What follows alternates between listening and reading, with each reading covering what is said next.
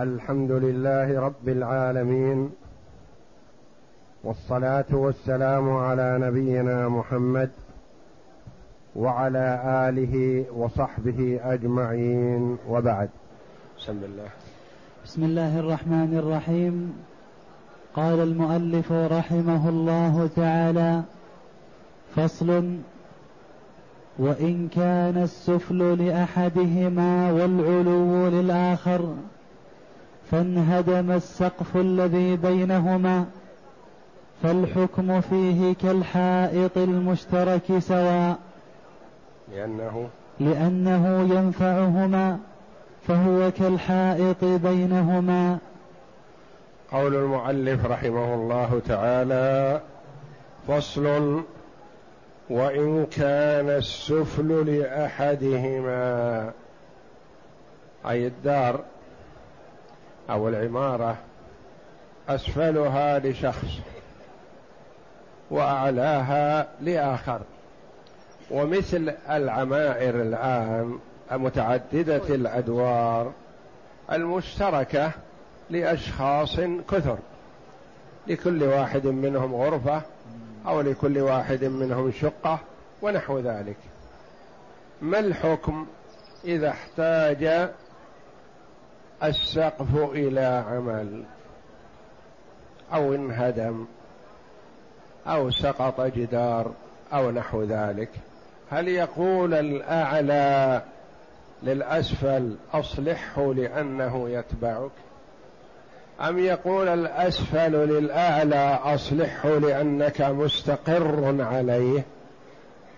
أم يشتركان الحكم أنهما يشتركان فيه لأنه يضلل الأسفل ويستقر عليه الأعلى فكل واحد منهما لا غنى به عن هذا الجدار. مثل ما لو كان الجدار بين منزليهما. أو بين غرفتيهما. كل واحد منهم مستفيد منه فيلزمهما معا. فالحكم فيه كالحائط المشترك أنه يلزمهما. سواء لأنه يش... آه، المشترك المشترك سواء يعني مثل الجدار سواء بسواء. لأنه ينفعهما فالأسفل محتاج إليه لأنه يضلله والأعلى محتاج إليه لأنه يستقر عليه فهو كالحائط بينهما. نعم. وأيهما هدم الحائط أو السقف فعليه إعادته؟ وأيهما هدم الحائط الذي بينهما أو هدم السقف الذي بينهما فعليه إعادته لأنه هو الذي هدمه. فمثلا الأعلى أراد نقضه ليضع نوعا من أنواع الرخام أو نحو ذلك. فلا يقول لصاحبه شاركني في العمل لا. الأسفل أراد أن يهدمه مثلا ليضع فيه أماكن مثلا لتعليق المراوح أو اللمبات أو نحو ذلك. فلا يقول للأعلى شاركني الذي هدمه هو الذي يلزمه إعادته كما كان أو أحسن من حاله الأولى. لأنه فرق بين أن ينهدم الشيء أو يهدم. فإذا انهدم فهو عليهما. إن هدم فهو عليهما. إذا هدمه أحدهما يعني أحدهما هدمه وأسقطه فيلزمه أن يعيده ولا يلزم صاحبه أن يشاركه فيه. نعم. إلا أن يخاف سقوطه. إلا أن يخاف سقوطه. الجدار بينهما لكنه مائل على جهة أحد الجيران. والآخر سالم منه لأنه يراه متهيئ للسقوط على جهة جاره شريكه. فقام الذي يخاف من سقوطه فهدمه. هل نقول له أنت هدمته فأعد بناءه؟ يقول أنا ما هدمته لمصلحتي وإنما هدمته دفعا للضرر منه لأن الجدار يوشك أن يسقط. وجاري يرى أن ميلانه إلي فلا يبالي في سقط ولا ما سقط. وأنا أخشى أن يسقط علي وعلى أولادي فهدمته. فلا يلزمني اعادته نقول نعم لا يلزمك. ما دام أن الجدار يكاد يسقط وأنت هدمته خوفا من سقوطه على نفسك أو على أولادك فجارك يشاركك فيه لأن العيب في الجدار. وليس الإسقاط لشهوة منك كأن يكون مبني باللبن فيريد أن يبنيه بالإسمنت أو غير ذلك نقول أنت أسقطته فأعده. أما إذا كان هو يكاد أن يسقط فأسقطه. فيلزم جاره أن يشاركه في هذا. نعم. ويجب هدمه فيصير كالمنهدم بنفسه. ويجب هدمه لأنه يريد السقوط ويخشى أن يسقط على صغار أو كبار فيجب هدمه لئلا يحصل فيه ضرر. فيصير كالمنهدم بنفسه لأن فرق بين أن يهدمه المرء لشهوة في نفسه وبين أن ينهدم الجدار وبين أن يهدمه الجار خوفا من سقوطه. في إحدى الحالات الثلاث يكون على من هدمه التكلفة على من هدمه وفي حالتين يكون عليهما معا. متى يكون عليهما معا؟ إذا سقط بنفسه. أو أسقطه هدمه أحدهما خوفا من السقوط عليه. يكون مشترك بينهما. إذا هدمه لمصلحة نفسه كأن يبنيه على شكل آخر فيلزمه بناؤه ولا يشاركه.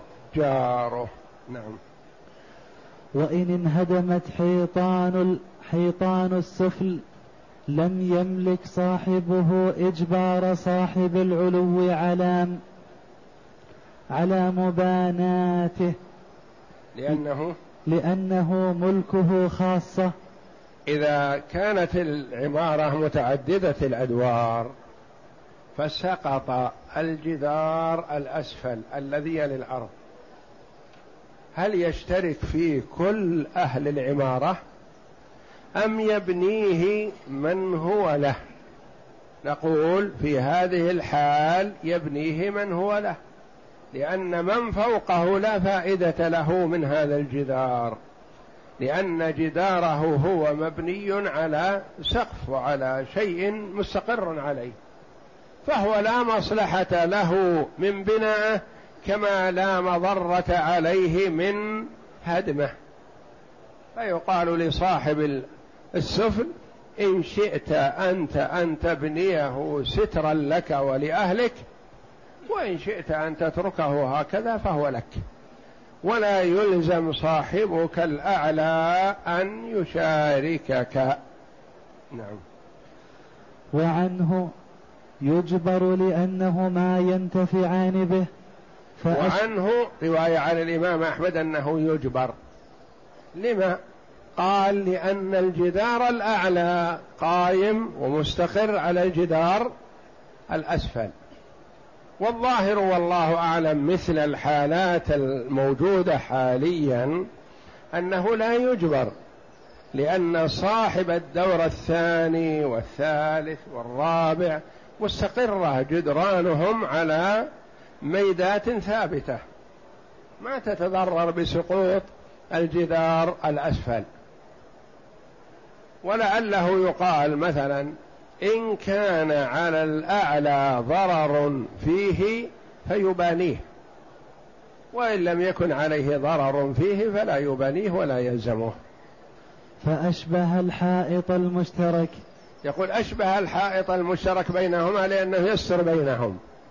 فمثل الجدار الأسفل يقول لأن الجدار الأعلى قائم عليه ولا يستقر الجدار الأعلى حتى يبنى الأسفل. نقول نعم إذا كان كذلك فكذا لكن إذا كان الجدار الأعلى قائم على ميدة كما هو الحال الآن فهو لا يتضرر من انهدام الجدار الأسفل. نعم. وهل لصاحب العلو إجبار صاحبه على بنائه؟ على روايتين. وهل لصاحب العلو إجبار صاحبه على بنائه؟ صاحب العلو ثابت جداره لكنه يخشى من السقوط. لأنه قائم على الأسفل فإذا سقط الأسفل يخشى أن يتداعى. فإذا كان كذلك فيجبر الأسفل على بنائه يطلب منه الأعلى بناءه ثم ينظر إن كان مستفيد منه فهو يبانيه وإن كان غير مستفيد فلا يبانيه. وإن كان غير متضرر فلا يملك إجباره لأن يقول هذا جدار خاص بي. وأنا كنت أتمنى أنه يسقط حتى أفتحه على الشارع. فلا يجبر إلا إن كان هناك ضرر على الأعلى فيجبر الأسفل ببنائه. نعم. وليس لصاحب السفل منع صاحب العلو من بنائه إن أراده. وليس لصاحب السفل كأن يكون صاحب السفل مثلا غير مبال بسقوطه. لكن أراد صاحب العلو أن يبنيه لأنه خشي على جداره لأن أصبح جداره معلق الآن. فيخشى إن تركه أن يسقط جداره فقال أنا أبنيه على حسابي. فهل صاحب السفل يملك منع صاحب العلو من بناء هذا الجدار الذي له؟ لا ما يملكه لأنه يبنيه لدفع الضرر عن نفسه. نعم. فإن بناه بآلته فهو على ما كان لا يملك. من حيث الاشتراك. إن أعاده بنفس الآلة البناء السابق كأن يكون مبني بالطين واللبن ونقضه ثم بناه بالطين واللبن مرة أخرى فهو على ما كان عليه من حيث الملكية. نعم. لا يملك أحدهما نقضه. يكون على ما كان عليه مشترك ولا يباح لأحد منهما أن ينقضه إلا أن أراد أن ينقضه ويبنيه على حسابه فلا بأس. نعم. وإن بناه بغير آلته فقال أحمد لا ينتفع به صاحب السفل حتى يؤدي القيمة. فإن بناه بغير آلته كأن يكون هو مبني بالأول بالطين واللبن ثم بناه, بالإسمنت والبلوك. من الذي بناه؟ الأعلى. والجدار أسفل. فهل يملك صاحب السفل أن يضع عليه أوتاد أو مسامير أو يستفيد منه بشيء؟ لا لأنه ما عمل به ما عمل نحوه شيء وليس ولم يعد بآلته المشتركة بينهما وإنما أعيد بمواد جديدة. نعم. فيحتمل أن فيقال لا تستفد منه شيء حتى تدفع نصف القيمة. نعم. فيحتمل أنه ليس له السكنى لأن فائدة الحيطان أكثرها للسكنى ولا يستفيد ولا يقال له لا تستفيد من هذه الغرفة التي بني فيها جدارها من صاحبك حتى تدفع النصف. لأنها لو كانت مفتوحة على الشارع ما سكنت فيها ولا نمت فيها ولا نام فيها أهلك لأنها على الشارع. فلما بناه جارك ما يمكن أن تستفيد أنت من بناء جارك حتى تدفع قسطك من التكلفة. نعم. ويحتمل أنه ليس له طرح الخشب ونصب الوتد ونحوه دون السكنى ويحتمل أنه له السكنى لأنه يسكن في أرضه لكن ليس له أن يستفيد من الجدار بوضع خشب ولا تثبيت مسامير ولا أي شيء يضعه على الجدار لأن الجدار ملك جاره. نعم. لأن ذلك هو الانتفاع بالحائط مباشرة. لأن الانتفاع بالحائط مباشرة هو وضع الوتد والمسامير والخشب ونحو ذلك فيمنع من هذا حتى يدفع نصف التكلفة. نعم. ولبانيه نقضه لأنه ملكه ولا يجبر على إبقائه بالقيمة لأنه لا ولبانيه نقضه. بانيه الذي بناه إذا كان الأعلى بناه ثم رأى أن صاحبه بيستفيد منه وله دافع شيء من الأجر قال أنا أنقضه فله نقضه لأنه الذي بناه. فهو يعيد حالة يعيد على حالته السابقة. نعم. ولبنيه نقضه لأنه ملكه هو الذي بناه. نعم. ولا يجبر على إبقائه بالقيمة.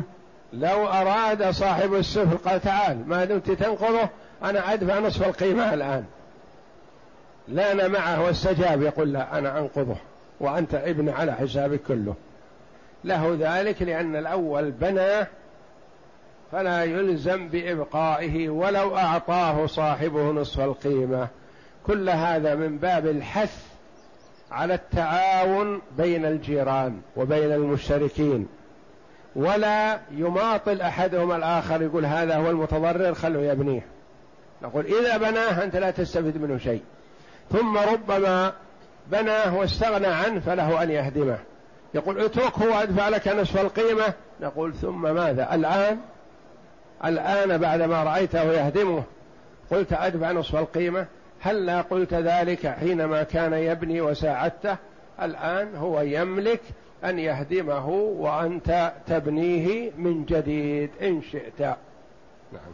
لأنه لا يجبر على بنائه ابتداء. الشيء الذي لا يجبر عليه المرء ابتداء لا يجبر على نقضه.